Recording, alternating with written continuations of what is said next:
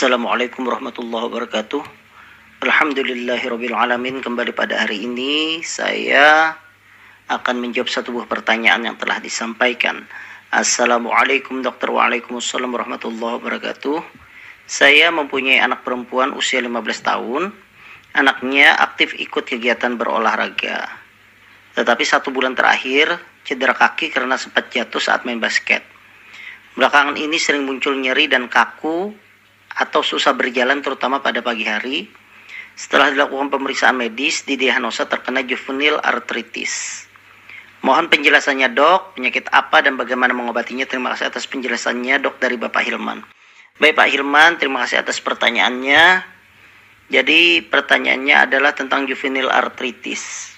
Ini termasuk kasus yang memang uh, tidak terlalu sering ya dan pada usia 15 tahun dan memang namanya juvenil itu ya pada remaja atau pada anak sehingga sebenarnya kasus ini mungkin lebih banyak dihadapi oleh kawan-kawan dokter spesialis anak.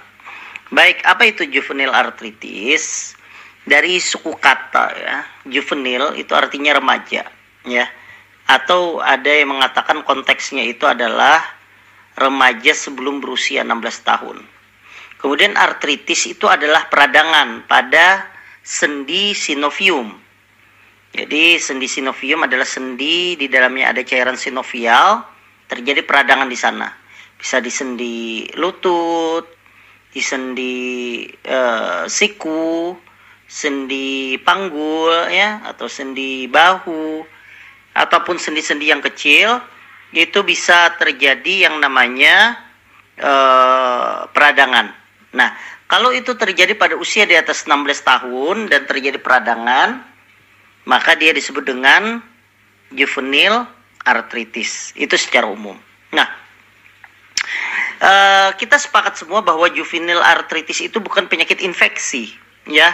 Jadi dia itu adalah penyakit non infeksi dan penyakit ini disebabkan karena adanya autoimun seperti pada dewasa yang menyebabkan terjadinya peradangan dan disepakati kalau kita mendiagnosanya itu adalah juvenile arthritis dan penyakitnya autoimun itu harusnya lebih dari enam minggu.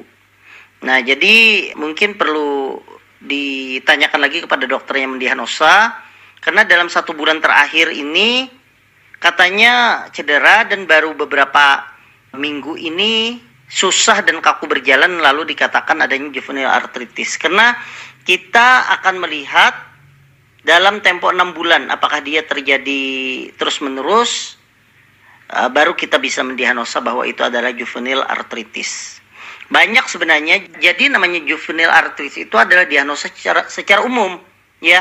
Tapi sebenarnya banyak bagian-bagiannya. Ada yang namanya disebut dengan juvenile idiopathic arthritis itu adalah bentuk yang paling umum.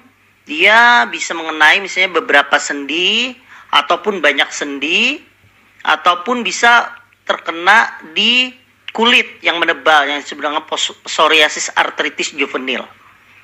Kemudian bisa juga terjadinya lupus pada anak-anak. Itu juga bagian dari juvenile arthritis. Sehingga dia bisa merusak, mempengaruhi sendi, kulit, ginjal, darah, dan sebagainya. Atau misalnya terjadinya kulit yang mengeras yang disebut dengan skleroderma. Karena pada juvenil, pada remaja kita menyebutnya dengan skleroderma remaja. Jadi uh, banyak sebenarnya turunan tak turunan dari juvenil arthritis tersebut. Sehingga sebenarnya tidak cukup dengan satu pemeriksaan untuk untuk menegakkan diagnosanya tersebut. E, langkah yang paling penting dan benar sebenarnya dalam mendiagnosa artritis juvenil yaitu diagnosa yang akurat Prosesnya bisa bisa panjang dan rinci. Tidak ada tes darah tunggal yang bisa menegaskan bahwa ini adalah salah satu dari jenis juvenile arthritis. Dan pada anak tentunya kunci untuk diagnosa adalah pemeriksaan fisik yang cermat bersama dengan riwayat kesehatan menyeluruh dan tentunya diperlukan tes khusus dari dokter untuk melakukan pemeriksaan pada jenis juvenile arthritis yang diduganya tersebut. Bagaimana cara pengobatannya? Sejauh yang kami ketahui, belum ada obat untuk artritis juvenil yang secara spesifik. Namun, uh, beberapa pendapat mengatakan dengan diagnosa yang secara dini dan pengobatan yang agresif, artinya pengobatan yang uh, adekuat, itu kemungkinan akan terjadi namanya remisi. Ingat, yang namanya penyakit autoimun ataupun kalau di lain ada namanya penyakit keganasan itu jarang kita menyebutnya sembuh. Kita menyebutnya dengan remisi karena untuk jaga-jaga apakah penyakit ini bisa kembali lagi. Walaupun remisi itu artinya dia 100% bebas gejala, tetapi kita tetap menyebutnya dengan remisi bukan sembuh supaya menjaga adakah kemungkinan dia terjadinya kekambuhan lagi. Tentunya tujuan pengobatan itu kalau kita tidak bisa menuju remisi, paling tidak dia meringankan peradangan, kemudian mengontrol nyeri, kemudian meningkatkan kualitas kehidupan terutama pada anak dalam masa yang pertumbuhan tersebut. Jadi uh, tentunya pada anak banyak hal yang harus dilihat karena anak itu sangat-sangat uh, penting untuk tumbuh kembangnya.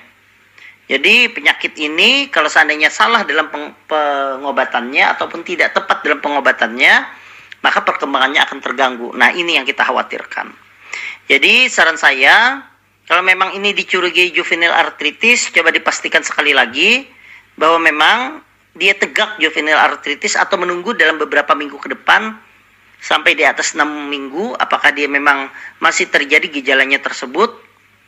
Kemudian setelah itu kalau memang dia tegak diagnosanya, pengobatan harus rutin, harus tepat dan agresif.